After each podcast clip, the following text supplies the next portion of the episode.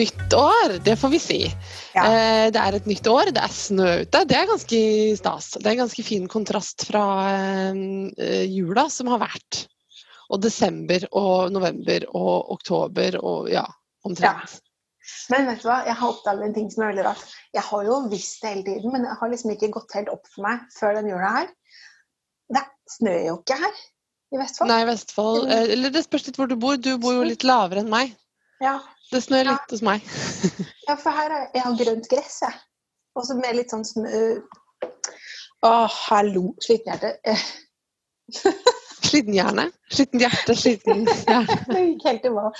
Jeg skulle si Jeg tenkte at det er snø på gresset, men så kom, kom det snørr ut. Altså, jeg sa Ja, det er snørr på gresset. Gress med Ja. snørr på toppen. Men Ja. vi har eh, faktisk en god eh, haug med snø som dekker gresset, og eh, litt snømenn har det blitt. Ja. eh, På tampen av juleferien. Men nå er eh, jeg på jobb, og du på jobb. eh, Men vi tar en liten podkastlunsj, da. Det er, viktig ikke, det, er, det er veldig viktig å ikke begynne for hardt. Men altså, man må jo fortsatt ha lunsj, men vi får jo ikke lov å ha lunsj sammen med levende mennesker. Nei, Ikke samme ikke, ikke sammen med døde mennesker heller, men Nei. vi kan ha, ha lunsj sammen med digitale mennesker. Ja, det er det vi må. Som, som hverandre. Jeg, nå har jeg liksom tenkt eh, tidligere i dag og nå at korona er jo ikke noen positiv ting på noen som helst slags måte, men man må av og til prøve å finne det gode i det onde også, på en måte. Eller det man må, er vel at man må på en måte, særlig når ting er litt tøft, så må man fokusere på det positive og på de Ja. gode tingene, da. Ja. Og vi blir oppfordra til å spise lunsj med våre kollegaer på Teams. Men det gjør vi jo ikke hver dag. Men tenk om jeg spiser lunsj med deg på Teams, eller om jeg spiser lunsj med kollegaer på Teams. Og vet du hva, Marte? Nå, sånn som du sitter nå, så spiser du på en måte lunsj med meg, og så spiser du lunsj med alle våre podkastlyttere også. Er ikke det litt hyggelig? Å, det er veldig Tenk så stor, fin lunsj vi har nå. Og så, jeg, jeg, jeg tenkte kanskje jeg skulle prøve å være sunn, og så snakka jeg om kransekake i går. Men så ble jeg da provosert av han italieneren jeg bor sammen med, som nå plutselig har fått en sånn vendetta mot påleggskulturen i Norge. Åh. Og jeg bare OK, jeg hadde tenkt Altså, å droppe det. ikke kom, du, ikke kom fra Italia og diss brødskivene våre. Jeg bare sier det. Ikke diss brødskivene. nei, Du kan gjøre narr av mye, men brødskiva mi får du aldri. nei. Så nå, bare på pur F, så måtte jeg da finne fram Kransekake. Ja. Marte lager nå briller av de to eh, øverste ringene av kransekaka. Ja. Veldig fint, veldig kledelig. det, var, du, det, er en, det, det er en idé. Se så fine briller det hadde vært, da. Kransekake, Men hva hadde kransekake med pålegg å gjøre? Har du Ah, brødskive med kransekake en- Nei. Jo, for så vidt. Men uh, nei, jeg har knekkebrød med geitost. Å ja, jeg ok. Altså, du har både pålegg og kransekake, to heilnorske ting som Robbie ikke liker. Ja, for han, han skjønner ikke poenget med kransekake. Og jeg skjønner ikke at noen ikke skjønner poenget med kransekake. Det er kransekake. Men du, kransekake for meg er sånn, samme greie som brente mandler. Hvor jeg tenker at det er litt sånn helt ok. Det er, vel, det er godt, det, liksom. Og så tar jeg en bit, så bare Åh! Det Ja, er ja, det ja. beste som fins! Ja, Og så kan man liksom spise brente mandler og kransekake i ganske imponerende enorme mengder, fordi det Ja. er så godt. Er farlig. Man kan ikke begynne. Jeg har nylaga kaffe som er veldig god. Og så her i mitt kontorkjøleskap så har jeg Jeg har nemlig kjøleskap på kontoret. så har jeg Vi fikk julegave av jobben, og den lot jeg klokelig stå igjen på jobben før jul. For jeg visste at hvis jeg tok med juletrøfler med havsalt hjem, så kom de til å bli spist opp av flere enn meg. Og det vil vi jo ikke ha noe av. Nei, det går ikke an. Så nå skal jeg ta meg et par sånne, faktisk. Det er sånn- veldig bra podinnhold. Jo, jo, det er stemningsskapende. Men det er en For det er jo det den nyttår handler om. Å spise opp godteriet som er igjen fra jula. Nettopp. Altså, når man har, det er noe, altså, voksenlivet, det å få fast jobb og sånn, det er ikke alt det som er sånn supergøy heller. Men noen ting er jo ålreit, og det må man jo bare nyte. Og det er jo det at man har et kontor man kan gjemme godteri på. Absolutt. Og hvor man kan drikke kaffe og sette den hvor man vil og sånn. At man kan gå på do med døra igjen. Mhm. Og veldig verdifulle ting, alt det der. Ja. Mm. Ikke noe man skal ta for gitt, egentlig. Jeg tenkte at i dette avsnittet her så skal vi ha litt sånn klassisk um, nyttårspodstruktur. Det vil si, jeg vil at vi skal snakke om hva vi har strikka i 2020. Dette ja. latterlige året som har gått. Ja. Og hva vi på en måte ja, ble mest fornøyd med og sånn. Og så vil jeg at vi skal snakke om våre strikkeplaner for 2021. Og så kan vi, vi kan um, også observere litt hva hva slags trender har regjert på strikke-insta i 2020. Ja. Og hva slags uh, trender forutser vi for 2021. Jeg liker å komme med spådommer. Mhm.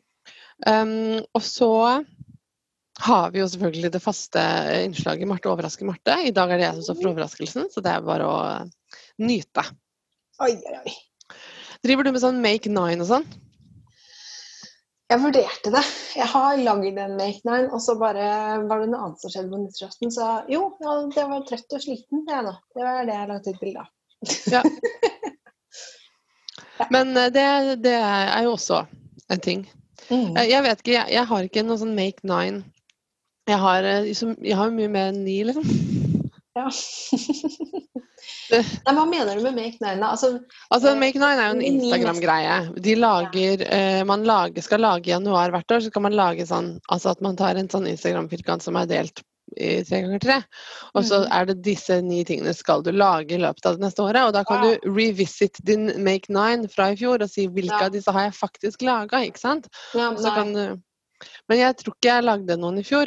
Og det blir ikke noe i år heller. Mm. Jeg har har- en liste på telefonen min som heter Strikkelista. Mm. Og um, der er det mye mer enn ny, for å si det mildt. Ja. Jeg syns det er veldig inspirerende å se på andres Make Nine, fordi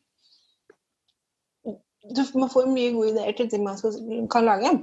Ja. Men jeg har tenkt at det, i den grad at ideen har dukket opp i hodet mitt så er det bare som bluff. fordi at jeg vet at innen jeg er ferdig med å lage den der lista med ni prosjekter, så har jeg allerede glemt den første, og så har jeg funnet 50 andre. Jo, men det er akkurat det. Mm. Ja. Men Men ja, eh, hva har du strikka i 2020? Har det blitt noe gøy? Har jo for så vidt det, altså. Men jeg tror det må være det året fra jeg liksom begynte å ordentlig strikke, hvor jeg har lagd minst ting til meg selv. Og på grunn av det så mener jeg at det har vært et dårlig strikkeår. Ja. Um, jeg har jo strikket en rillejakke av et veldig tjukt garn som har ligget uh, i skammekurven siden 2005. Så det var en stor høydare, for den jakka er jeg veldig fornøyd med. Den er veldig god. Eh, men altså en litt sånn lang jakke i, bare i riller. Eh, og jeg strikket den så lang eh, jeg kunne med, for å bruke opp all garnet. Så det når er liksom litt over knærne, og så er det litt korte armer. Og veldig sånn det garnet er et utgått garn fra Rowan, som jeg kjøpte i Århus da jeg flytta dit i 2005. Mm, Polar heter det. Det er ettrådsgarn, og så er det liksom Ja, det er tømmerstokktjukt. Jeg tror jeg strikka Wow. på ni. Ja. Oi, såpass, ja. Ja, så den er jo fantastisk å ha på seg, og det var litt slitsomt å strikke. Men eh, ja, ellers så har jeg strikka et sofateppe som jeg gikk bort. Et eh, Åh, Marte. Jeg har strikka babytepper. Jeg har strikket ett teppe til min egen baby, som ble fantastisk dødsfornøyd. Og så skulle jeg strikke etter gave. Så tenkte jeg jeg gjentar suksessen, ikke noe problem. Men så slutta hjernen min å funke. Så jeg strikka da Det er et mønster fra Pearl Soho som jeg nå plutselig har glemt hva det heter for noe. Men det er altså mm, Man strikker først én trekant, og så plukker man opp maskene på den ene siden, og så strikker du en trekant til. Og så gjør du sånn, og da til slutt så har du på en måte kommet runden rundt, og da Ja, Men rund, med liksom sånne spisser inn i midten, ikke sant? Ja, et kvadrat. Du har snakka om det før òg, på Ja. podden. Kult. Men du fikk, ikke, du fikk ikke til å repetere? Så klarte jeg da å plukke opp på feil side. Sånn det, for, fordi trekantene blir ikke likesida. Det blir Mm. litt lengre på den ene siden, så jeg har da eh, i min tåkete hjerne plukka på feil side. Og jeg har strikka altså det Sofateppet var jo to sånne som jeg tatte tatt sammen. Så jeg har strikket tre stykker før jeg begynte på dette gaveteppet. Da, da tenker jeg at det må være eh, en hjerne... eh, Hjerne. Ja. en hjernegreie. Det var, no, eh, var det samtidig som du slutta å sove på nettene? ja. Ja, det kan ha noe med saken å gjøre. Prøvde en gang til. Gjorde samme feilen på nytt. Og jeg bare, ja, jeg gir opp. Og det er greit, jeg strikker striper. Og så dobbel tråd, så ble jeg fort ferdig.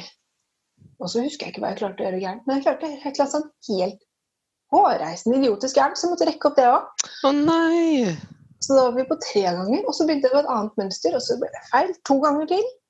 Fem ganger. Så tenkte jeg sjette gangen, greit. Jeg strikker sånn som jeg strikka kluter til kjøkkenet siste, for det kan jeg ikke gjøre feil. For det er liksom Ja, en kjempestor klut, liksom, til Ja. mm. Og så tenkte jeg dette garnet har jeg da strikka teppe med før. Jeg legger opp like mange masker som da, kanskje litt flere, sånn at det blir litt breiere. Mm. Og så blei det dobbelt så stort som jeg hadde tenkt. Det ble sofateppestørrelse. Å nei! Bare, ok, greit. Men klarte du å få noe teppe ferdig før babyen ble født? Ja, den blir ikke født før i april, så det går Ja, ok, men da kan du jo feile et par-tre ganger til. Ja, ja. Men jeg har jo da også Og sånn har det vært hele året mitt. Jeg har da strikka en jakke, en babyjakke, som da skulle være størrelse tre måneder og er størrelse ett år. Ja, men det er jo bedre det enn omvendt, liksom. Ja, ja, klart det er sant. Men det det er litt stort å få størrelse ett år i, i barselgave, liksom. Ja, ja, jo, Da blir det fort liggende lenge. Og så tenkte jeg ja, ja, men det er greit, da kan Frida bruke den, for hun har snart et år. Så strikka jeg en bukse. Den ble enda større.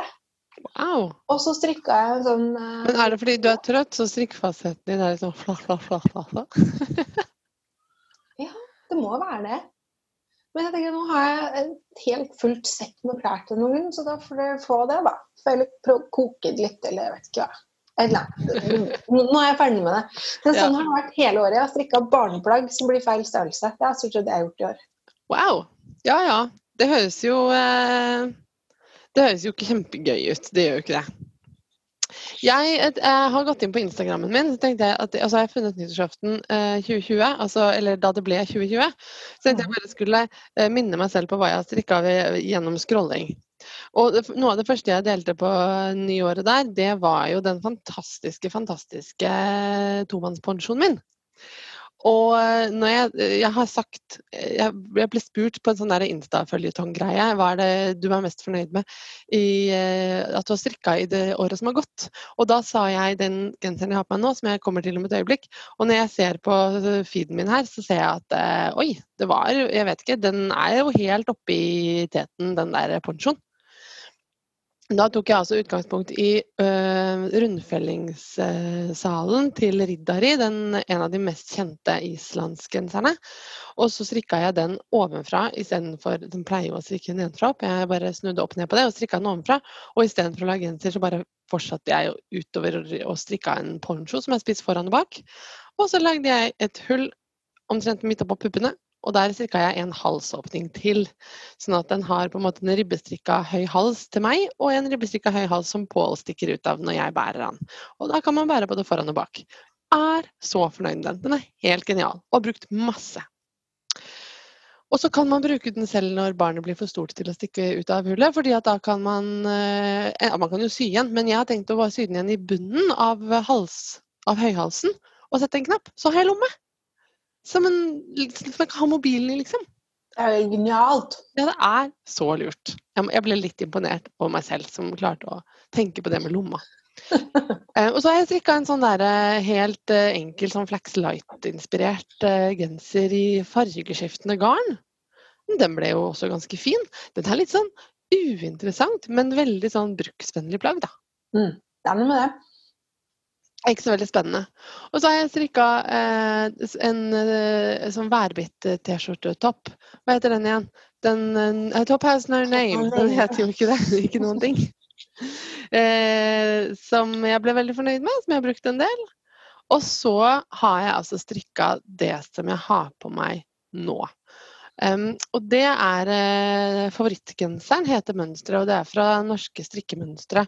Den boka som Wenche Roald har basert på Unn Søyland Dales um, strikkemønstre fra gamle der. strikkemønstre. Ja. Mm. Uh, og jeg har, det som er kult, kulest med den genseren, er at den er strikka i alt det spennende fargete uh, askgarnet mitt. Eh, altså Vide-garnet jeg kjøpte på Vikingmarked, som er farga blått med planten Vide, fermentert i urin, eh, som jeg har gjentatt nå, gud hjelpe meg så mange ganger. Og da kombinert med det korsenillefargede garnet til Laila og mitt eget regnfann fra hagen-fargede garn. Og den er så god!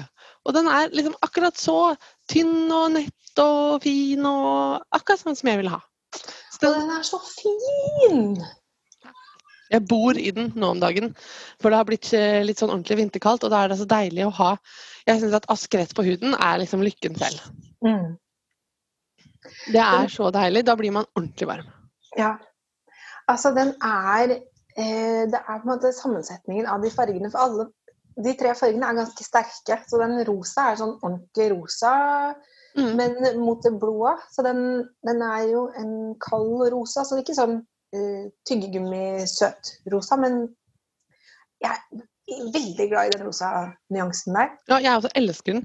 Den Mm. er på en måte litt gammelrosa, men knall.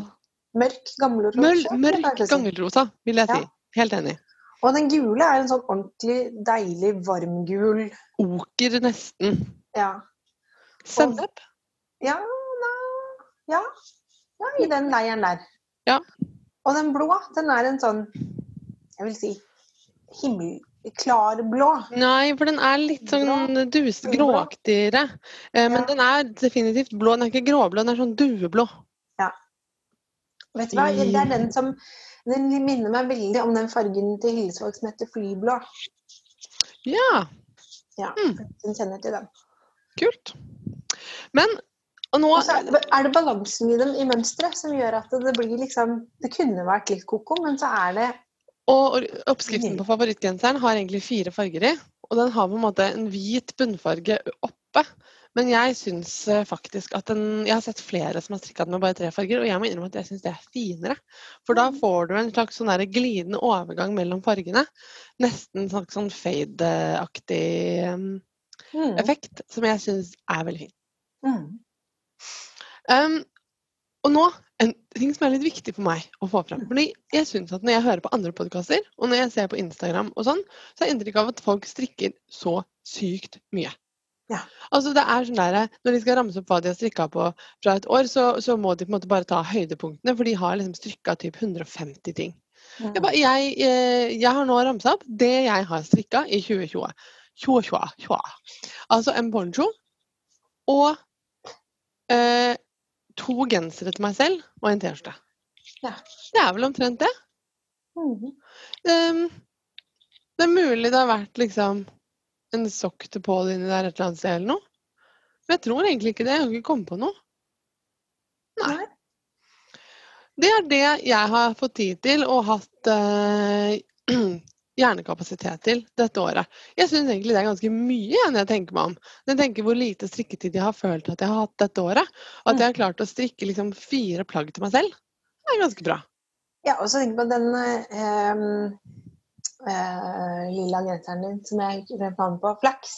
Mm. Den er jo, Du strikket jo på den i en evighet. Ja, jeg begynte i 2019, for å si det sånn. Ja. Ja. Men jeg komme, altså det er fort gjort at man kommer med en litt sånn moraliserende pekefinger. Altså, hvor mange ting trenger man egentlig? Og så, mm, det jeg tenkte på nå, hvor mange nye gensere har man strengt tatt behov for i løpet av et år? Det er sant. Og jeg trenger i hvert fall ikke flere, uh, egentlig. Uh, men det er jo det jeg syns er gøy å strikke. Ja. Men jeg har bestemt meg nå altså- for ehm, vi, Skal vi, skal vi, skal vi eh, glide, gå over i strikkeplaner? For da ehm, Ja. Det er nemlig sånn at jeg tenker Jeg liker veldig godt å ha liksom en, et stort eh, plagg, da. i gang. Og det kan være en genser eller en kjole eller et skjørt eller et pledd eller noe sånt. Um, Mhm. Men noe som eh, ikke er for intrikat, men som er litt sånn derre um, rett strikk som går av seg sjøl. Men så må jeg ha masse småplagg eller ting i tillegg til det. Og jeg har jo en del ting jeg ikke har sagt noe om fordi de ikke har blitt ferdig i 2020. Som er påbegynt og lagt bort, eller påbegynt og bare ikke ferdigstilt ennå. En hals og en T-skjorte og noe sånt som bare ikke er klart ennå. Um, men det jeg har tenkt på nå, er at jeg skal jeg, jeg gidder ikke å slutte å strikke gensere og kofter til meg selv bare fordi at jeg har nok. Fordi jeg syns det er gøy. Ja. ja, for det var det Um, jeg skulle si videre. At eh, ja, man kan moralisere og si hvor mange trenger du, men man skal kose seg. Og det er hobbyen min. Og jeg bare eh, eh, Det er Noen har fotball som hobby, og de bruker masse tid og masse penger på fotball. Og det er ingen som spør dem trenger du egentlig å spille all denne fotballen. Er det egentlig nødvendig for deg? Nei, det er ingen som spør om det. Og da tenker jeg at jeg også kan slippe å måtte forholde meg til spørsmålet trenger du egentlig flere gensere. Hvis jeg får for mange gensere, så kan jeg for all del gi dem bort, da. ja, jeg roterer, jeg. Eller gir bort. Ja. Det er litt begge deler. Kommer an på hva jeg syns. Ja.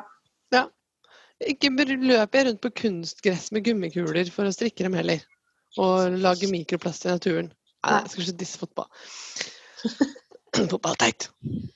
Jo, men altså, du, de skifta kunstgressbanen på Jeg bor jo rett ved siden av en stor fotballbane.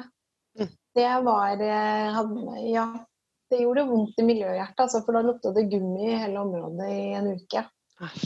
Og så Ja. så man alle de trailerlastene med gummipellet som de pella bort og helte ut. Det er ekkelt, ass. Ja, Faktisk. Men det jeg har tenkt, og jeg sitrer litt for å fortelle deg dette Oh, Jeg har nemlig planer for 2021. Fordi Ja. liksom Ut med 2020! Det var et møkkaår. Det var jo det. Det var slitsomt og pes og, og stressende. Um, og selvfølgelig hyggelig og fint og alt det som det også var. Men nå er det borte, og nå er det 2021. Og jeg sier ikke at det blir radikalt annerledes, fordi det er eh, korona her er fortsatt og ting Ja, men det er jo Jeg blir litt overraska hvert år over at januar faktisk føles litt som en ny start. Ja. På ekte, liksom. At det føles som Ja, nå har vi en mulighet til å begynne på nytt. Um, og jeg har tenkt til at i tillegg til at jeg får lov til å ha genserstrikk på gang, så skal 2021 bli året da jeg strikker votter. Oi! Vi har hatt kofteåret før, kanskje det er vatteåret nå. Ja. Og nå skal jeg passe på at jeg ikke liksom, uh, får det til å høres ut som jeg har tenkt å gjøre som min, min venninne Siv Una, som strikka 16 par med eh, Speedy Selbumittens før jul. Det er ikke meg. Oh, Ja, det, det, kudos til deg, salutt. ja, Til godt Sivuna. Sivuna. Det er Det, det er eh, ambisiøst, føler jeg. Ja. ja. hun eh, er eh, leder sånn eh, Hun eier en barnehage, styr, styr- styrer i en barnehage. Og eh, strikka til alle ansatte. Flere mennesker, liksom. At det er så sinnssykt. Ja, det er sinnssykt. Ja. Fantastisk gjort. Det er speedy selvbemittens, de der uh, Scandier-mønstre. Uh, så de strikkes på um, Altså Eli sitt mønster, og hun strik, har laga et mønster for kjappe på tjukke pinner eh, selbuvotter. Og de er veldig fine og ser veldig sånn klassisk selbu ut, men det går jo radig, da. Det er på type eh, PT3-tykkelse. Fritidsbarn, eh, sånn. Ja, så litt tjukkere, liksom. Men allikevel, da. 16. Det er mye Ja. votter. Men de blir så gode, tjukke og myke og gode, da. Ja, det Så jeg lurer på om jeg må strikke et par sånne jeg også, etter hvert. Men uh, hovedsaken her er at jeg har uh, Altså dette her er, i motsetning til min genserstrikk, så er dette her en plan født av behov, Marte. Ja. Jeg har uh, blitt grundig lei av å stoppe våre votter. Ja. Eh, mine votter og andres votter. Ungene har votter, for de vil jo pokker ikke bruke mine hjemmestrikka votter, så de bruker bare sånne eh, vottevotter som unger har. Ja. Men eh, dem om det. Men eh, Annes votter og mine votter og våre votter, vi har jo ganske mye votter, men samtlige har nå fått hull igjen på tommeltotten eller på Mhm. pekefingeren eller i den hull, liksom bøyen imellom de to fingrene. Mm. Eh, og jeg har stoppa, og det har gått hull igjen. Ja. Og det blir sånn, jeg syns det er morsommere å strikke enn å stoppe, så jeg strikker nye votter til meg og Anne. Ja. Um, og jeg må i hvert fall ha to par votter, for jeg må ha noe å skifte på. Mm. Um, så det første jeg Det var veldig fint på nyttårsaften i år. Så festa jeg de siste trådene på et prosjekt liksom 20 minutter før midnatt. Oi. Og tok på meg plagget. Og så gikk jeg eh, Når jeg sto opp igjen dagen etter, så var noe av det første jeg gjorde, å legge opp til et nytt prosjekt. Og det er den her. Som jeg holder opp for Marte nå. Det er altså begynnelsen på en vott. Oi. Prikker! Ser du hva det er restegarn etter, eller? Oi, ja. det- er Favorittgenser, rester. Ja. Ja, så nå har jeg bare gul i bunnfarge, og så er det da prikker i blått og rosa. Ja. Nydelig. Ja, jeg blir så fornøyd! ja. Det er sånne votter man blir skikkelig glad av. Ja, det var det jeg tenkte. Og det er sånne votter jeg vil strikke. Jeg vil strikke med farger. Ja. Og så har jeg lovt å strikke selbevotter til Lina. Ja. Eh, og spurte henne hva slags farge vil du ha. Hun bare en klassisk svart og hvit. Jeg bare OK, men da begynner jeg ikke med de. For nå trenger jeg litt farge i livet akkurat nå. Ja. Eh, så kommer det klassisk svart og hvit til henne etterpå. Så Ja. det blir, men det, har- det har jeg i hvert fall planer for tre votter dette året. Ja. Og så tenkte jeg at det, jeg, jeg håper litt grann at det, skal liksom gå en sånn eh, eh, en sånn eh, vottedemon i meg. At jeg skal bli hekta. At jeg skal liksom spy ut litt votter, da. Kanskje Ja. ikke 16 par, men at det skal komme liksom Altså, ingen lovnader her, ikke engang en antydning, men det kunne jo plutselig hende at jeg liksom strikka noen votter som jeg kunne gi bort til jul eller noe. Oi. Ja. Ja. Mm. Vi får se, for å si det sånn. Ja, ja, ja. Jeg har jo ikke sånn kjempegod eh, hva skal jeg si, erfaringer med sånne ting som man må strikke to av. Det har vi jo snakket om før. Eh, Ja. så, sokker har jeg bare unngått å strikke, fordi at jeg syns det er kjedelig å strikke én, og to blir liksom omtrent umulig. Og så har jeg jo da fått en litt sånn opppiffa sokke-mojo etter denne pickles-oppskriften som gikk som en bitte liten farsott her i høst. Ja. Sokker i kjede. Ja. Det klarer jeg å forholde meg til. Det funker for meg. Og så er det, eh, løsningen er også at jeg ikke strikker på altfor tynt garn. Og at jeg kan strikke mm, så det går litt fort, da. Ja. Eh, og så mm, at det ikke er for mye mønster eller noe. For jeg liker faktisk best å gå med sokker som er, på en måte, ikke er altfor mye baluba. Jeg har prøvd å strikke votter med, med masse mønster og flerfargestrikk fordi at jeg syns det er ganske pent. Men Mm. jeg blir altså så skuffa og lei meg hver gang. Fordi at det, det blir jo Jeg strikker så mye strammere med flerfargestrikk, og jeg klarer liksom ikke å planlegge for det. Så helt uten unntak, jeg har aldri klart å strikke en sokk med flere farger som jeg får over hælen. Altså Det blir for stivt og trangt og tjukt. Ja. Og jeg bare Jeg vil jo ha votter i Nei, votter i skoa, faktisk. Sokker i skoa. Og da eh, må de være litt grann eh, mer sånn tynnere og elastiske, på en måte. Mm. Men det er det jeg også oppdager med votter. da. Men det- Jeg elsker jo Selbu-votter, og mamma har forsynt meg med Selbu-votter. Og jeg har også den fantastiske ekskollegaen min fra eh, strikkelunsjen som har gitt oss brudevotter. Den er Oh. strikket i sånn tynn eh, merino, totråds merino fra Nøstebarn. De er så tynne og delikate og fantastiske og nydelige. Og det er sånn perfekte våt, eh, våt nå skal dere, vår- og høstvotter. Ja. Um, men det jeg klarer å få meg til å strikke, som også syns er veldig gøy å strikke, det er helt, helt enkle måter, også mønster fra Pro Solo, som heter uh, gusset mittens eller noe sånt noe. ja. Uh, arch gusset mitten, mittens heter det. Uh, det vil si at den der tommelkilen, den strikker du i en slags bue for å liksom, du, Hvis du holder, ser på hånda di, den der hjertelinja, eller hva man kaller det for noe. Ja. Eh, den, det går en slags bue rundt tommelen ofte. Ja. Eh, og det gjør at vottene sitter veldig godt på, og så er det litt gøy å strikke den der eh, buen. Ja. Og så er de litt sånn asymmetriske i toppen, fordi at hånden er jo ikke Mm. helt Det er det som er litt rart med selgevotten, Nei. at det er en helt sånn symmetrisk spiss. Men disse her er litt sånn skeive Mm.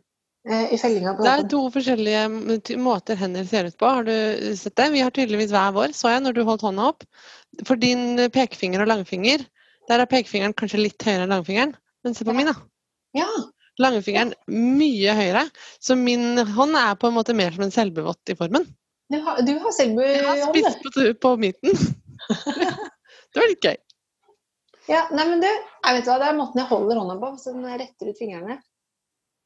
Men det er ikke veldig Ja. mye forskjell mellom pekefinger og langfinger. Nei, min har et eh, hode forskjell, liksom. Ja. Nei, men ja. Jeg har jo da hatt en sånn Det har vært frustrerende for meg, faktisk. At jeg har begynt på så mange prosjekter og aldri fått Jeg har gjort sånne dumme feil som jeg kan ikke huske at jeg har gjort før. men Det er jo fordi jeg er så sliten og ikke klarer å tenke helt klart. Så jeg har bare måttet rekke opp og begynne på nytt og rekke opp og begynne på nytt. Men skal du ha Å ja. Jeg trodde et øyeblikk at du skulle ha sånn gjør ferdig ufoer-år. Ja, men jeg bare rekker opp alt, og så begynner jeg helt på nytt på nye ting. Ja, OK. Ja, men Ja. det er jo en approach. For Ja. jeg, jeg hadde tenkt å foreslå, siden det var 2019 strikk opp skitten, så kunne Ja. hatt liksom 2021 gjør ferdig én og én. Men eh, Eller 2021 rekk opp og begynn igjen. Jo, den var fin. Ja, jeg, har ikke helt bestemt meg for eh, Jeg har ikke satt meg noe mål, rett og slett. Jeg, har Jeg skal ha klart å tenke 2021 strikk en vått, min ven. Unnskyld, jeg skal slutte nå. Nei, jeg har I 2019 kjøpte jeg jo da omtrent ikke garn. Jeg kjøpte noe i, før februar, før jeg hadde bestemt meg for å slutte ut på garn. Og så det, kjøpte jeg et sånn eh, en sånn strikkepakke på Oslo strikkefestival på, i september. Og det tror jeg var stort sett det. Eh, I år har jeg kjøpt litt mer eh, garn. Og nå sitter jeg og ser litt på det lille tårnet som har uh, samla her. Eh, og mesteparten av det har jeg hatt planer for og har jeg enten lagd noe av, eller eh, eh, ligger på vent. Men jeg har også kjøpt noe uten plan. Så nå føler jeg at 2021 nå, Det føltes så innmari godt å få liksom noe ut av alt det jeg har som ligger her, som egentlig er veldig Mhm. fint da. Så jeg vil ha mer av den tilfredsstillelsen. Så jeg skal også prøve å Drikke fra lager. Strikke fra lag. Og jeg har en jakke som jeg strikka for lenge, lenge siden, som jeg aldri har brukt. Og nå er det nydelig garn, så nå har jeg mappe. Det er det som jeg har da brukt tid på for å kunne kose med garnet likevel. Da har jeg så rekket den opp, og så er det strikket Mm. av to forskjellige kvaliteter strikket sammen. Så jeg sitter og splitta opp de trådene. Gud, det høres helt forferdelig ut. Ja, men det har liksom Det er det nok det, Så langt jeg har klart å tenke med hjernen min, liksom. At jeg, er, Ja. jeg har kapasitet til mer enn det.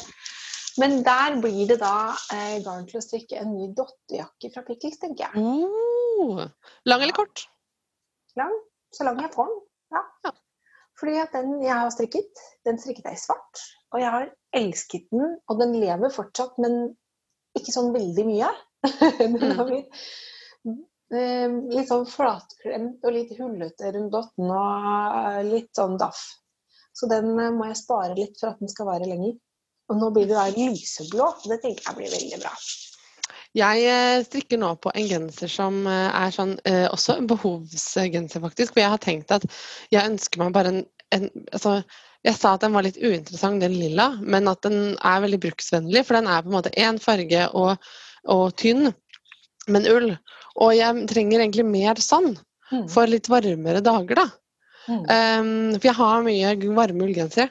Uh, så nå strikker jeg på en sånn i bursdagsgarnet jeg fikk av søsteren min, som bare er uh, reima finull. Kjempefint. Burgundervinrødt-aktig. Ja. Uh, så jeg bare strikker en helt uh, enkel raglangenser, egentlig. ja. Som skal ha litt vid hals. Vi har så mange raglangensere som går liksom helt opp i halsen.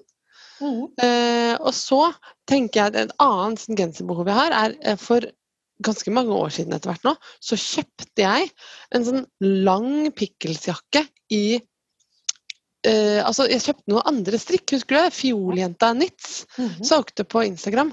Og den er grå, og det er i Purewool, og den er lang. Mm. Og jeg har altså brukt den altså, det, er det er kanskje mitt mest brukte strikkeplagg, som jeg ikke har altså, Og så har jeg ikke strikka det selv. Men uh, det, den har jeg er som elsket så sinnssykt. Og nå er den helt frynsete på begge ermene og veldig glissen på skuldrene. Mm. Uh, Så jeg lurte om jeg bare må strikke en sånn til. Mm. Eller hvis noen vil selge meg en til, så, uh, så er jeg interessert. Ja. For det er ganske kjedelig strikk. Men det er også det er, også, det er jo sånn eh, som jeg sa at jeg liker å ha på gang hele tiden. En sånn tjoff, tjoff, tjoff, tjoff, strikk, strikk. Ja. Det går av seg sjæl, liksom. Ja. Jeg har, det, jeg for, det, det er jo du som skal overraske meg i dag, men nå kan jeg overraske deg litt, jeg også. Mm. For det, jeg har jo sånn sug etter å strikke nå. Mm. Det er bare ting i duse farger. Oi! Ja. Her har det skjedd. Nå, ja, ja.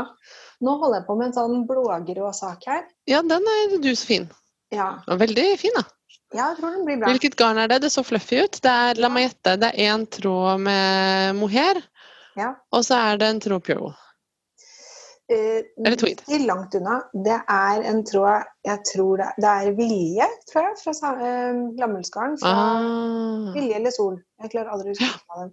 Som Laila har farget. Kjærlighetsgarn. Oh, Ja, det var der, ja, det var der den der garnkjøpestoppen min sprakk. Jo, men uh, ingen, uh, ingen, ingen laster deg for det, Marte. Det Nei. er forståelig. Den er sånn ammeeggblå med litt Ja. sånn rustspetter i. Altså, Ja. Så vakkert, vakkert, vakkert garn. Ja, helt nydelig. Så det lå lenge nede i vinduskarmen til pynt. Og så tenkte jeg, For jeg tenkte at jeg må ha et ordentlig sånn, fint prosjekt å bruke den på. Mm. Og så tenkte jeg at jeg må ha en helt enkel genser som på en måte la garnet skinne. da. Eh, og så fant jeg da en gratisoppskrift på Stoff og Stil. Har en sånn eh, garnmerke ja, De har begynt å kalle det Freia. Ja. Em, så tenkte jeg jeg skal teste det, for jeg syns det var en veldig fin genser. Det er egentlig en helt sånn enkel, litt vid genser, men med en veldig funky konstruksjon. Så du skal egentlig strikke forstykke og bakstykke hver for seg. Mm. Men, og det har ikke jeg gjort, jeg har strikket i ett. Men Hvem gidder det, liksom? nei. Men det er nok litt lurt egentlig, for da får du den der litt stabile sømmen i sidene. da. Så det, ah, ja. det får vi se. Ah, ja. Men det som er fiffig, da, er at eh, på den ene siden så begynner du med 70 masker på forstykket, og så 150 på bakstykket. Mm. Så sømmen begynner liksom litt midt foran. Eller nei, ikke midt foran, men litt eh, ja. på magen, på en måte. Ikke akkurat i siden. Og så flytter du den bakover. Ja, så øker du på den ene siden, og så feller du på den andre siden. Så du har rett og slett strikka en falsk søm isteden? Ja, altså jeg, man gjør, øker da med kast, så du får litt sånne fin rad med hull. Ja. Og så den har jeg beholdt, da. Og så bak, midt bak, så er genseren litt lenger ned, går litt lenger ned. Men det er ikke gjort ved at man strikker vendinger eller noe annet sånt. Det er gjort ved at man strikker på en måte en kile med, hvor man feller inn på midten bak. Og de fellingene gjør at liksom, de trekker garn eller stoffet nedover. ja. Sånn at den går nedover bak, ja. Ja, helt av seg selv. Jøsses. Og det ser jo ganske kult ut, syns jeg. Så du får Det blir jo nesten en sånn slags strukturstrikk. Med den mohairen og den formen på genseren, den kommer jo til å se ut som en Du har på deg en sky. En litt sånn stormsky. Ja, ja. Og så er den da Det er isydde armer, egentlig. Men så er skulderen skrånet litt, da med fellinger likevel. Og du vet at når du feller jevnt altså i en raglandsøm, så skift, ser det ut som maskene skifter eh, vei Ja. eller retning. Så da har man lagd inntil den derre fellekanten som da er skulderen, en litt Altså man har valgt å bruke noen masker Som ligger riktig Som ligger som en stripe Ja. i raglanfellingen, da. Ja. Ja. Og det Veldig gjør man i halsen også, og så er det ganske dyp halsutringning, hvor det da kommer en høy hals. Så det er bare Det er litt gøy, samtidig som det er egentlig bare frem, Nå strikker jeg fram og tilbake opp halsermene, da. Med halsåpning, Mm. Halserme. Det er det, du har ett erme til hver arm, og så har du et erme til hodet. Ja, jeg beklager alle sammen. Som man kan ha over ansiktet, så man kan sove inni der. Men skjønner dere jeg sliter, eller? Det er jo altså Ja. Ja, ja. Men, så den, den eh, jeg hadde selvfølgelig da strikket i feil strikkefasthet, for jeg bruker ikke garn jeg skal. But of Og så strikket jeg opp til armene, og så ble den da 1,50 brei den lå bretta i to. Og det var, selv om jeg ville ha den litt vid, så var det litt voldsomt. Ja. Så da var det bare å ta den opp, og så trykka jeg selvfølgelig feil andre gangen, så nå er jeg på tredje forsøket, og nå blir det som det blir. Stakkars deg. Men jeg tror det blir bra nå. Det ser veldig fint ut. Og så har jeg begynt å strikke flerfargestrikk fra Pickles, Færa-genser. Den har jeg sikla på så lenge. Og det Ja, er og det er jo et nytt garnkjøp, Marte. Det har jeg sagt litt kanskje. men jeg strikker det. Og jeg har selvfølgelig da kjøpt masse til meg og Frida. Så jeg, vi kan ha matchende veldig søte gutter. Oh, ja, men det er jo så koselig! Men det er veldig sånn lav um, kontrast. Just. Ja, litt sånn gult og rosa og sånn. Ja. Lysrosa, lysblå, mandel og sennepsgul. Oi, men det høres veldig fint ut. Det er altså et sånn trekantmønster. Men Så du skal ha strikk fra lagreår, og jeg skal ha votteår. Mhm. Bra! Du, Har du lagt merke til noen eh, trender 2020? Hva har folk strikka? Ha! Nei, altså det har jo um, Nei, jeg vet ikke om jeg kan si jeg har lagt merke til sånn én konkret trend. Det har jo gått noen sånne farsotter. Disse sokkene til Pickles, og så har det vært Ja. noe uh, Jo, det har jo vært fortsatt petit knits. Og, Ja, Særlig i begynnelsen av året var det jo litt sånn Stockholm og København og Oslo, de heter jo sånne ting, de genserne. ja, Og de er liksom sånn sånn omtrent sånn cirka kliss like, alle sammen med en liten forskjell ja. på hver. Og så strikker folk alle sammen i 17 forskjellige sorbetfarger. jeg følte litt at Insta så sånn ut en periode. Det er veldig pent, da! Og fluffy og nydelig og deilig. ja, jeg blir alltid litt misunnelig når jeg ser de tingene, for det er egentlig sånne plagg jeg har mest lyst til å gå i selv. Mm. Så nå er jeg, prøver jeg på en måte litt, men Jeg vil gå i prikkete plagg i knallfarger. vi, vi har skifta person, personlighet, på en måte. Ja, men jeg har alltid villet gå i det, jeg har bare ikke likt å strikke det. Men nå har jeg lært meg å strikke det jeg liker. Ja, Bra. Strikke det jeg liker, og liker det jeg strikker. Ja. Nei, har du oppdaga noen trender nå, Marte? Nei, eller jeg prøvde å, å, å, å tenke nå, men jeg føler at på en måte både den derre uh, fade-trenden hvor man, det var, Jeg følte at det var en sånn litt sånn i fjor, en sånn, ikke 2020, men 2019-typ, at det var en sånn Plutselig så strikka alle i sånn uh, fargeskiftende, spettete garn i eh, f- ulike fades, liksom. Mm. Mens at det har roa seg veldig, da. jeg tenker at kanskje det var noen trender på gang begynnelsen av året, og så kom koronaen og bare feide alle regler av Og så ble banen. folk sånn, sånn koseorienterte. Og så, Ja. så synes jeg, jeg husker det er en del år siden hvor jeg snakka om at eh, brunt er en veldig fin farge. Ja. At på en måte er brun yndlingsfargen min. Um, men uh, det føler jeg at verden har tatt til seg. Nå syns jeg folk strikker i brunt overalt. Ja. Mye brunt. Ja. Sånn, det kommer jo kamelfarge, eller litt Ja. sånn varm beige, dyp, litt dypere beige, noe sånt. Det Mhm. har jo vært mye. Og, og den er fortsatt rustrød, rust, Mm. rødbrun kjenner, og det pleier å være, Når man føler seg besatt av en farge, så pleier det å være et tegn på at den er en trend.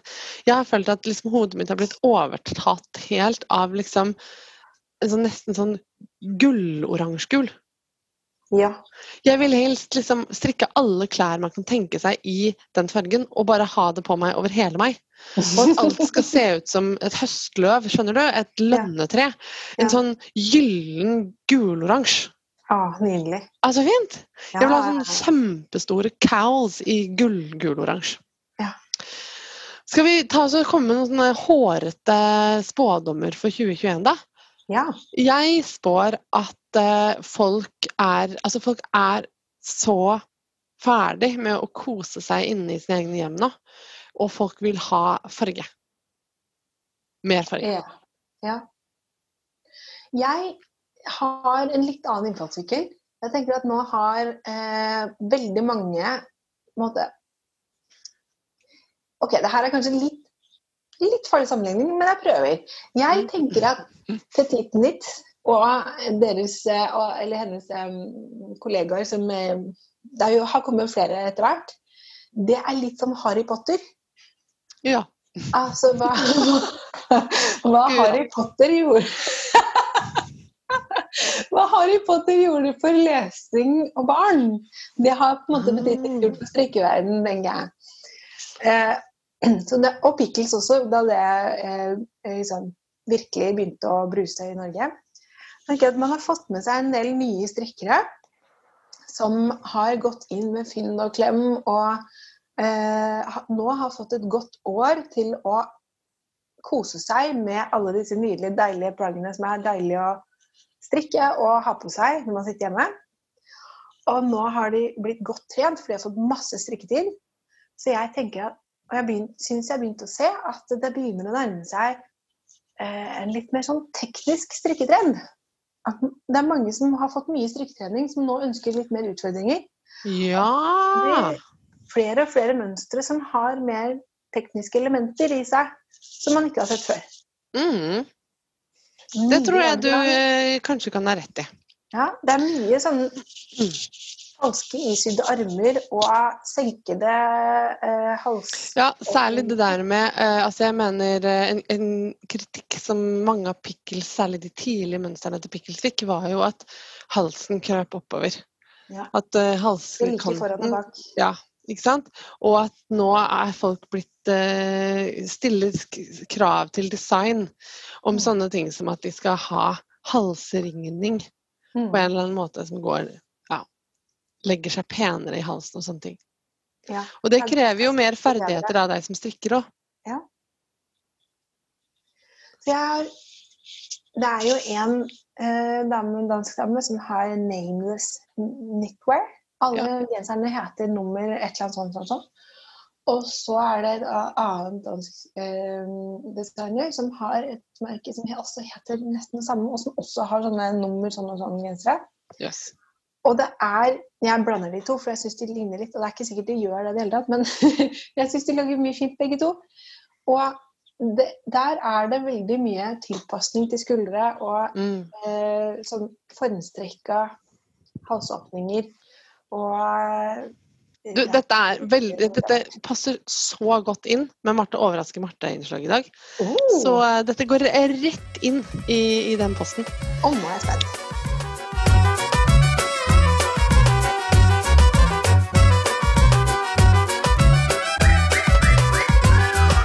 Da er jeg klar til å, å overraske deg med et tema. Marte overrasker Marte er altså et tilbakevendende eh, del av podden som går ut på at den ene Marten har forberedt et tema vi skal snakke om, og den andre Marten er fullstendig uforberedt.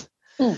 Og temaet vi skal snakke om i dag, er Vi har vært inne på det før. Jeg tror vi var inne på det i den episoden som heter Pinner og politikk, som kanskje var vår episode nummer tre for 140-40 år siden. Mm. Men den er moden for å tas fram igjen. Det vi skal snakke om i dag, Marte, er hønsestrikk! Ah. Jeg sitter her med uh, Hønsestrikk 3, uh, eh, førsteutgave fra eh, 1975. Marte, nå Mm. bare begynte nedi magen, og så bare Jeg da jeg begynte å, å forberede dette temaet, at eh, jeg hadde en sånn fordom som kom opp meg mot deg. Hvor jeg tenkte liksom, eh, og så tenkte jeg at dette må jeg sjekke om stemmer eller ikke, for det kan hende helt feil. Og fordommen var det at du ikke syns hønsestrikk er så fint. Hmm. Det kan Vi har så at vi snakka om det da, ja. Mm. Jeg, jeg husker ikke om du sa det da, eller hva det var. Jeg bare hadde en følelse av det. Men jeg, jeg er Du har for så vidt rett på en måte, fordi Det er i hvert fall veldig lite del- stil, på en måte, tror jeg. ja, jeg har ikke mm, for så vidt noen plagg jeg Noen sånne plagg. Pero, Men Mhm. jeg har noen sånne ting inni meg som jeg tenker på fra tid til annen. Små karameller som jeg koser meg med. koser meg, koser meg. Tenker at dette skal komme ut en dag. Mm. Åh, det skal bli så deilig. Er ikke tiden inne helt ennå. Men hønsestrikk, det er en sånn ting. Ja, ok. Ja. Så når, du, når jeg ser for meg hønsestrikk nå, så tenker jeg um, Jeg tror kanskje det kommer litt fra måte, de der 70-tallsplaggene har sett hvor det ikke skulle være pent. Det skulle ikke passe. Det skulle være gærent og mismatch og eh, rotete og mye, liksom. Fordi, som en slags protest. Ja. Ja. Og det har jeg ingenting imot. Men det er ikke helt, det er noe jeg, altså det er ikke helt min stil å skulle bruke de plaggene, på en måte. Nei. Eh, Uten at jeg har noen slags fordømming av andre som gjør det, det overhodet. Nei, det ville vært mye mer likt noe jeg kunne funnet på, ikke sant? Ja. Jeg har jo jeg har hatt en sånn hønsestrikkvest som mamma strikka på 70-tallet, som jeg har gått masse med. Nå vet jeg Mm. faktisk ikke hvem, hvor den er, det kan hende den ble bare utslitt. Men den hadde liksom lilla og lysegul og grønn og rød og blå og rust og alle fargene i verden, liksom. Mm. I et salig kaos. Og store troll med lang tiss. ja. Men det er Ja.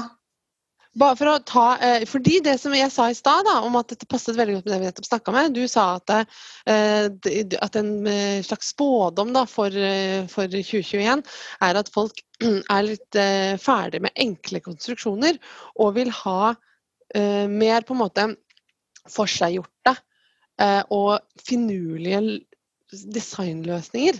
Mm. Det har jo da også skjedd innenfor hønsestrikk. Eh, for det er en hønsestrikktrend eh, nå som har på en måte ulma siden ah, Eller den har jo på en måte ulma i kanskje ti år, nesten. For å ta den korte historien, Jeg tror de fleste kjenner til hønsestrikks historie, så jeg skal ikke bruke masse tid på det. Eh, men hønsestrikk oppsto på 70-tallet. Ordet hønsestrikk er eh, oppfunnet av den danske forfatteren Kirsten Hofstetter, eh, som prøvde å få publisert mønstrene sine på forlaget Den røde hane. Men de ville ikke publisere, for de syntes det var for snålt. Og da ble hun sur og startet sitt eget forlag som heter Røde høns. Som en slags finger opp til Røde hane. Det syns jeg er veldig gøy. Og det ble senere omdøpt til hønsetrykk. Og tanken med hønsestrikk er at det er, som du sa, opprør. Det er protest. Og det var eh, protest mot at man ikke fikk kjøpt eh, strikkeoppskrifter uten garn. Noe Mm. som fremdeles er tilfellet i ganske mange altså garn- og mønster for selgere.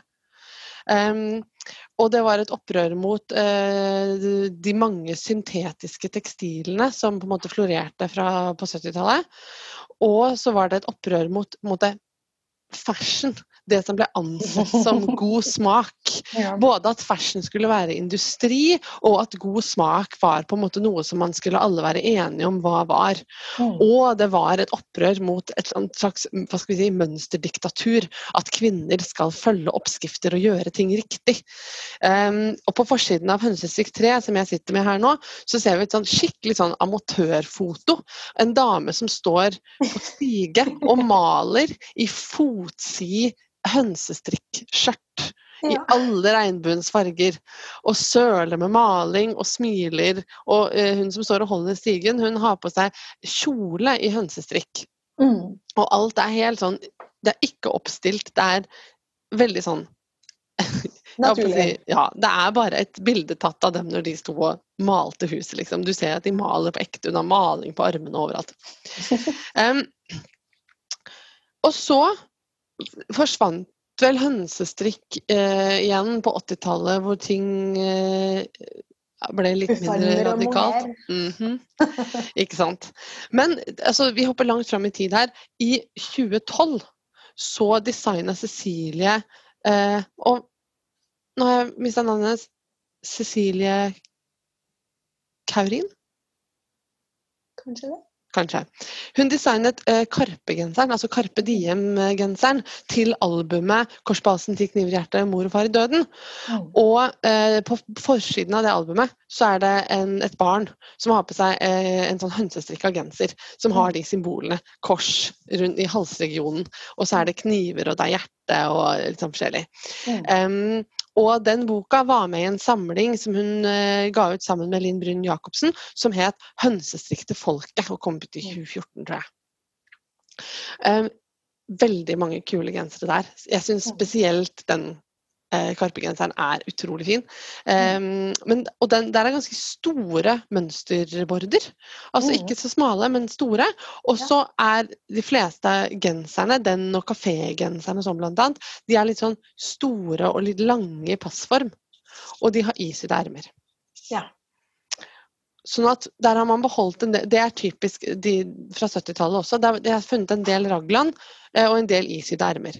Men den hønsestrikktrenden som liksom eh, virkelig brenner nå, det er en helt annen.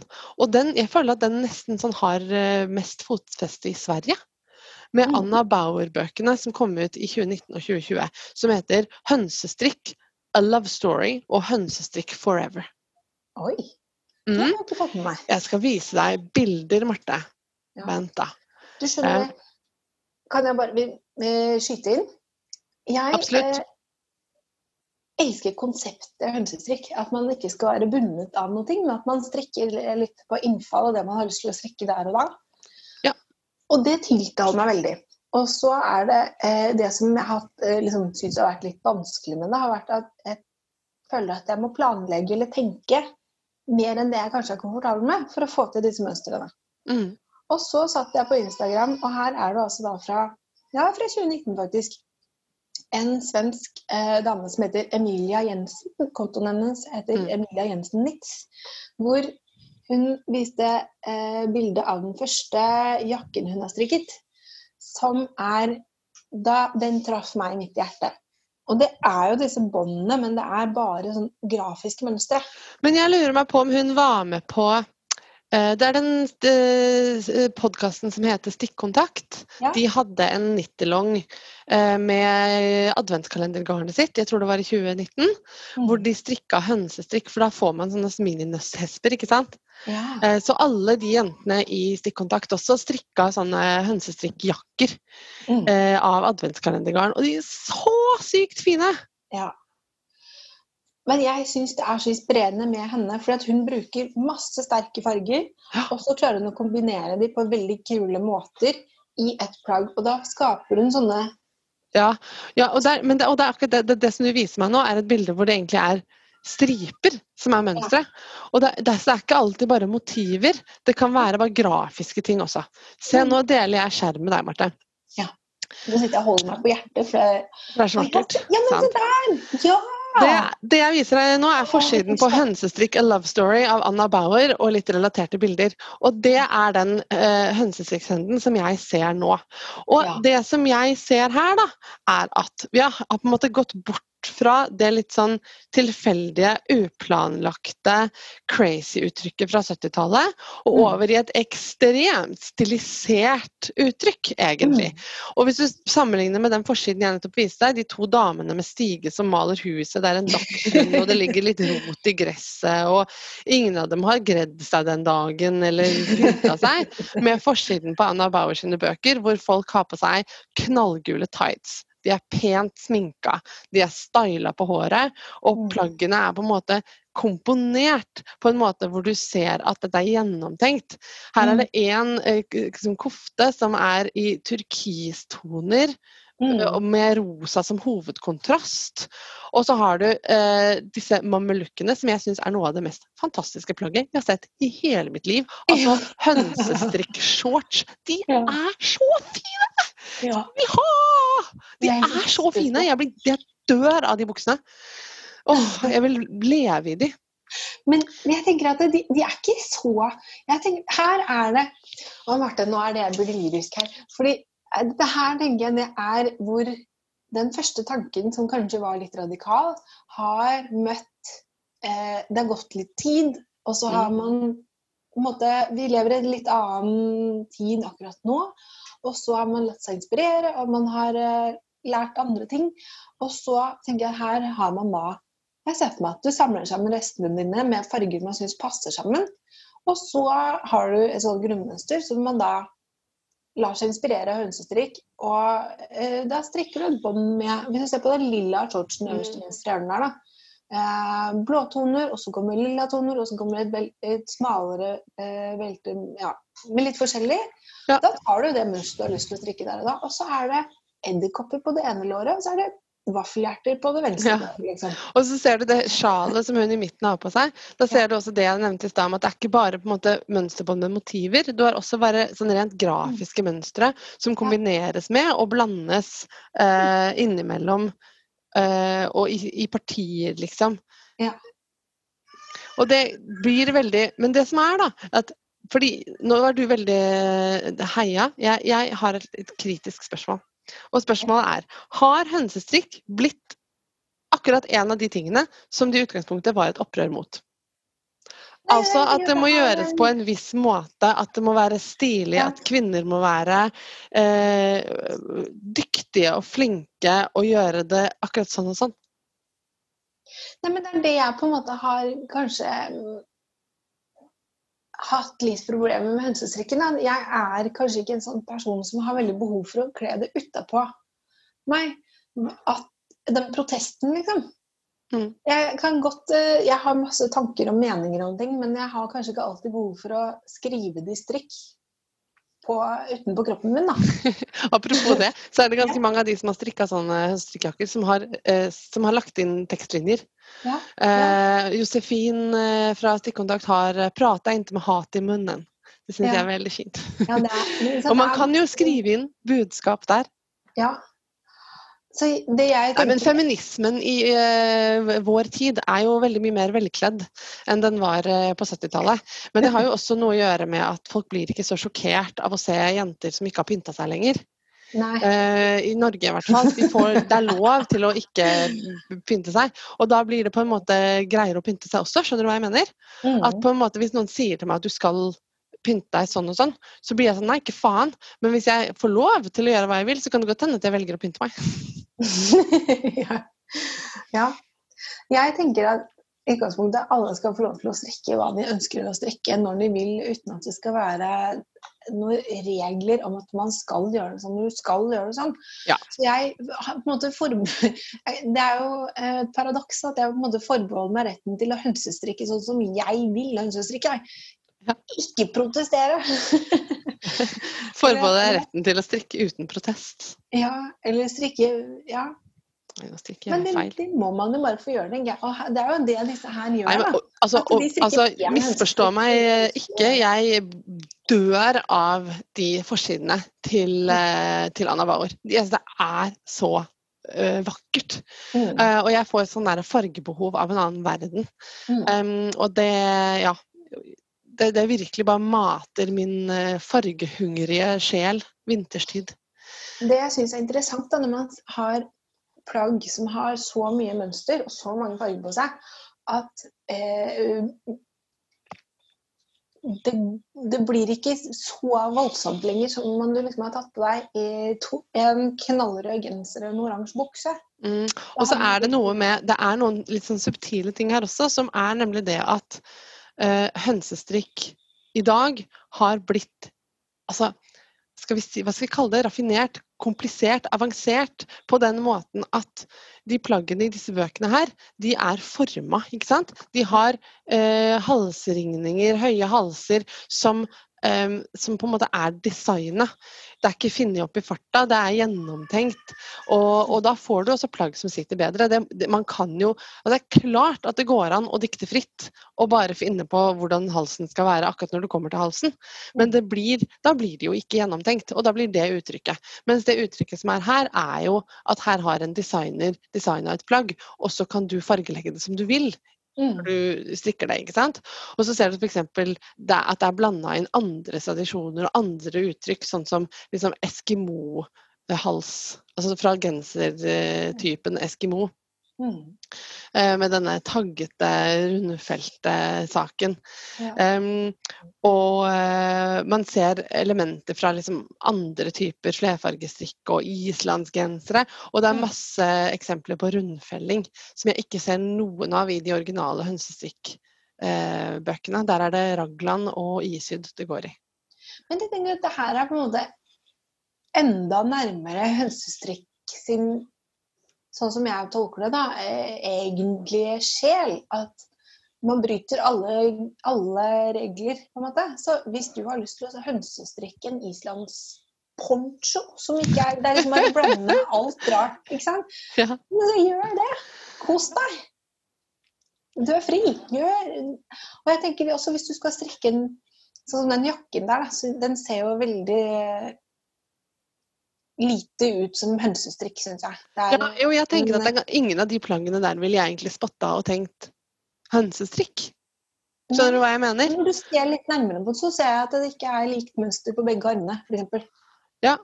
Ja, Eh, ikke sant? Men Og at shortsbeina er forskjellig. Men det er ganske langt derfra til bildene i de tidlige hønsestrikkbøkene, Ja. som er veldig lite oppstilt. ikke sant? Det er hverdagsmennesker i helt eh, klart hverdagssituasjoner, og det er tatt av en person som, som kjenner dem, og som bare har tatt det bildet, liksom. Mm. Og, men passformen på klærne er også mye mindre eh, Hva skal vi si? Det er mye mindre tailored. Det er mindre Ja, ja. Men jeg tenker hvis du begynner å strikke eh, en genser, og så Dette her er jo litt sånn som du og jeg har snakket om også på kurs. Eh, Ja. Og så ser du at ja, kanskje den blir for liten, den her. Kan du strikke jakke, da? Mm Eller Du, det er en eh, rar ting med, med Anna Bauer-bøkene. Den har, inneholder en, eh, den siste hun har gitt ut, 'Hønsestrikk Forever', den inneholder liksom en sånn skole hvor du skal lære å strikke baklengs, sånn at du slipper å strikke flerfargestrikk eh, med mm, vrang på vrangsida. Fordi at eh, i hønsestrikk så er det stort sett bare strikka rundt og rundt, så det er gensere og ikke kofter. Fordi Ja. at du, det, er, det er pes å strikke, på, strikke fram og tilbake med flere farger. Eh, og mens Anna Bauer har masse liksom, åpne løsninger, kofteløsninger, eh, og da skal man strikke fram og tilbake. Og da ble jeg sånn Hvorfor lære seg å strikke baklengs? Hvorfor ikke bare strikke rundt og rundt og klippe opp? Ja. Jeg skjønner ikke det. Nei, for jeg tenker at det, du kan strikke bare rundt og rundt, og så klipper du opp. Aldri ramla meg inn og strikke en kofte fram og tilbake. Med flere farger, liksom. Nei, aldri. Men når du da begynner nede, og du strikker rett opp, så er det jo ingen sak å bare ta noen vendinger da, på toppen. Mm. Så får du en halsåpning, eller en, en sånn Absolutt. halskant som har en form.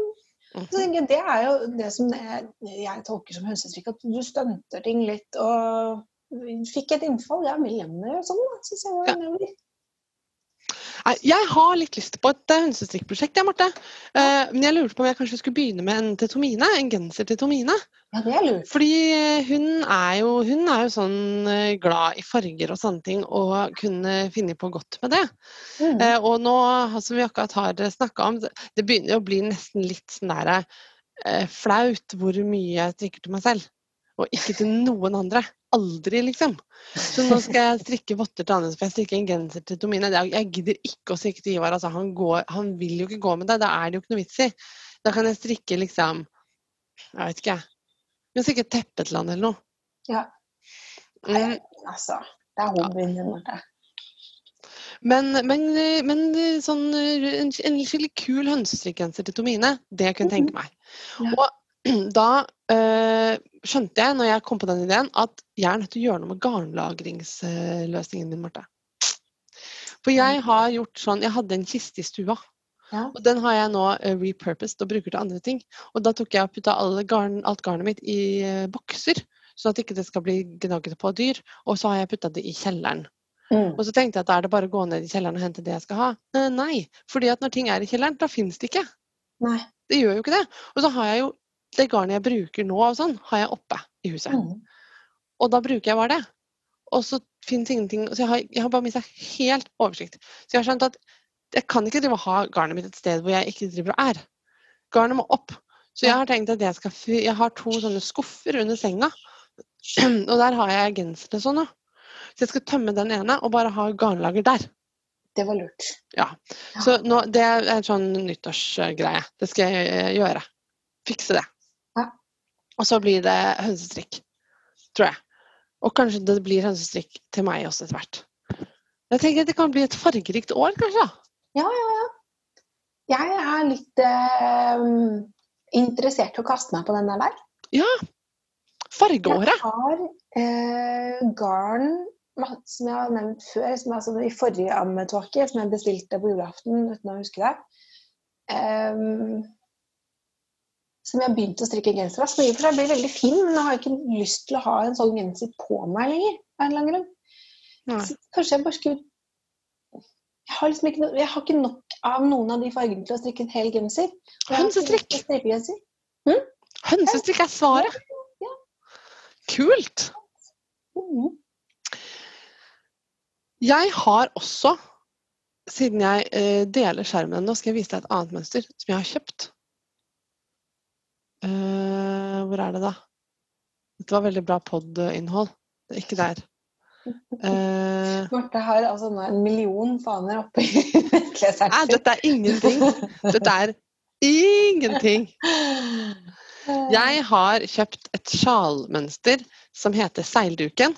Oi, ja. Og det er Inga Semmingsen som har designa av Værbyttgarden. Og jeg tror det er en slags homasj til eh, Seilduksgata, der eh, butikken til Laila lå før.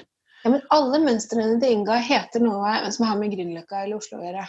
Ja, men jeg tror denne For den er designa for Værbytt. Til Værbitts julekalender 2020. Og det var jo akkurat samtidig som Værbytt flytta fra Seilduksgata til. Lilleborg. Ja, nettopp. Gratulerer med flyttet, Laila. Jeg gleder meg så sykt til å komme og se den i butikken. Jeg imot. Mhm. Men se på det sjalet, Marte. Altså, det inneholder um, patentstrikk, ribb, Mm. uh, og en eller annen rar teknikk som hun kaller blipp, som jeg ikke vet noen ting om, men som jeg gleder meg som et barn til å teste ut. Den har en stor dusk i hver ende, og er mangefarga og kul. Og den er som en slags skjerf som er spist i hver ende. Skjønner du? Ja, så det bredt er skjerf med spist i hver en ende. stola. Ja, ja, hvis du skal være fin. Er ikke stola liksom en daud rev som du har rundt skuldrene? Ja, kanskje det. Ja, men altså, altså Jeg er en Jeg er så fin! Men vet du, ser du at den har akkurat samme uh, fasong, bare smalere, som mitt babyteppe slash sjal som jeg strikka? Ja, ja, ja. Det var jo også som en sånn rektangel med pil i hver ende. Ja. Kanskje det var jeg som var trendsetteren. det var nok det, Marte. Det var nok det. Ja. Den skal jeg strikke. Og så har jeg jo uh, sagt fra før på, på podden at jeg spontankjøpte mønsteret til Piptop, En singlet. Det har jeg tenkt at jeg skal gå med til sommeren. Så når det begynner å våres litt, så må jeg strikke en sånn. Mm. Nå tror jeg jeg har sagt alt jeg drømmer om å strikke. Tomina har bedt meg om å strikke en poncho med en rev på. Jeg ser for meg at dette involverer intarsia. Jeg vet ikke. Ja. Søsteren min skal ha baby, jeg må strikke noe til den. Åh, kanskje dette er året hvor jeg også skal strikke den der eh, kofta som er den vakreste av alle kofter som noen gang er designa. Hva er den heter? En skumring? Det er også skein deer, som jeg snakket om i stad. Med trær nederst og snø liksom som faller i sånn gradient. Mm. Jeg, er, sånn- jeg er nesten redd for å strikke den, for jeg syns den er så fin at jeg er redd for at jeg skal liksom ødelegge den. Jo, men det der er tilsvarende sånn som jeg har det med hønsestrikk. At har, det er en sånn ting som ligger der framme i framtiden min, som Ja. jeg gleder meg til. Man, kanskje man må spare den litt, bare for å ikke liksom tråkke uti det og ødelegge. Jaha, da. Glede seg til. Jeg stoppet, stoppet screenshare. Uh, nå var, er det så mye fargeinntrykk å fordøye at, uh, at vi kanskje må avslutte. Ja, det blir lang lunsj det der. Det ble lang lunsj. Men jeg tror vi er enige om at uh, 2021 hønsestrikk og farger. Ja. Og du, du vil ha sånne pastellfarger. Nei, ikke pastell, egentlig. Jeg vil ha sånne grumsete, grålige Sånn som uh, Rauma Finuls nye serie som er farga på grått, liksom. Ja. Mm. Du skjønner, det er pelshull. Altså eh, Bare hva som helst av pelshull kastet til meg, og jeg hadde blitt lykkelig. I natt Jeg er litt over pelshull. Du? Sa jeg det høyt? Hva Marte. Ja, men jeg bare jeg er så inn, jeg, Eller det er bare det for tiden. Jeg er så forelska i favorittgenseren akkurat nå. Ja. Og jeg er så favoritt Altså, jeg er så favoritt Nei, jeg er så forelska i um, måten ask føles Ja. på huden. Ask og uh, finull og PT2 og alle de derre totrådsspunne ullgarnene som er litt sånn rivete. Ja. Åh, Ja, det er jeg er så glad i det. Men jeg må si, jeg har faktisk sikkert én ting i 2020 som jeg ble ekstremt fornøyd med. Men det er veldig rart, for at jeg klarer liksom ikke å tenke at På en veldig rar måte at det er jeg som laga den. Selv om jeg har ikke brukt mønster, og jeg har, brukt, det, jeg har jo strikka hele tiden. Den strikka jeg faktisk i fjor. En poncho. I pelsull. Eh, med, hvor jeg brukte mesteparten av de Strikka du en poncho i pelsull i fjor? Ja, sant. Hva har jeg sett? Ja, ja. Har vi snakka om den? Jeg har gått på trilletur med den, til og med. Ja, det har vi. Den er grå, og så ned, nedover. Ja, ja, ja. Og så har jeg, Jeg er rader med eh, farger. Så det begynner i gult, oransje, rosa, rødt, mørkerødt og lilla eller et eller annet. Ja. Ja. Tynn pelshull. Fantastisk Nei, det er eh, i det mellomtrinnet. Fantastisk deilig. Og så var jeg så kald i natt. Jeg bare «Åh, fryser. Så jeg bare stakk hånda ut, fikk tak i den, tok den på meg og våknet opp og bare «Åh, Det er så deilig her. Fordi jeg har en pelsponcho under dyna. Du syns ikke den klør? Nei. Nei, jeg syns pelshullen er litt sånn kriblete rett på huden på en sånn kilete måte fordi at den er så fluffy. Ja, ja. Hadde ingen problemer med det i natt. Nei. Nei. Men eh, nei. Eh, jeg, jeg skal prøve å ri denne eh, trenden, eller lysten min, eller hva jeg skal si, på å duse. Eh, jeg, jeg er på Hvis de er litt stygge, så blir jeg veldig interessert. Mm, jeg skjønner. Men det jeg tenker jeg den. Færa-genseren som, til Pikkel som du stikker, er jo midt i blinken. For den Mm. har sånne 70-tallsfarger, ikke sant? Som er litt stygge, men det blir så fint. den blir deilig. Sende på burgunder, liksom. Nei, det er ikke burgunder. Det er det, er det som er det. Det er sånn babysøttefarger, og så kommer det sånn møkkete hvit og sende. -hmm. Det liker jeg. altså. Det liker jeg. Nice. Åh, den seilduken. Nå har jeg den oppe på den ene skjermen min. Den er så fin. Åh, jeg skal strikke den i restegarn og bare Ja. ta helt av. Mm. Jeg har jo lært meg å strikke Lailas smartpatent. Du, Jeg var ja, syk en Jeg var syk rett før jul, og så var jeg sånn herre Nå trenger jeg å gjøre noe for meg, bare for meg. Så da tok jeg og lærte meg det. Og det var jo kjempelett og veldig gøy. Er det det? Ja, det er dritlett og veldig koselig. Yes.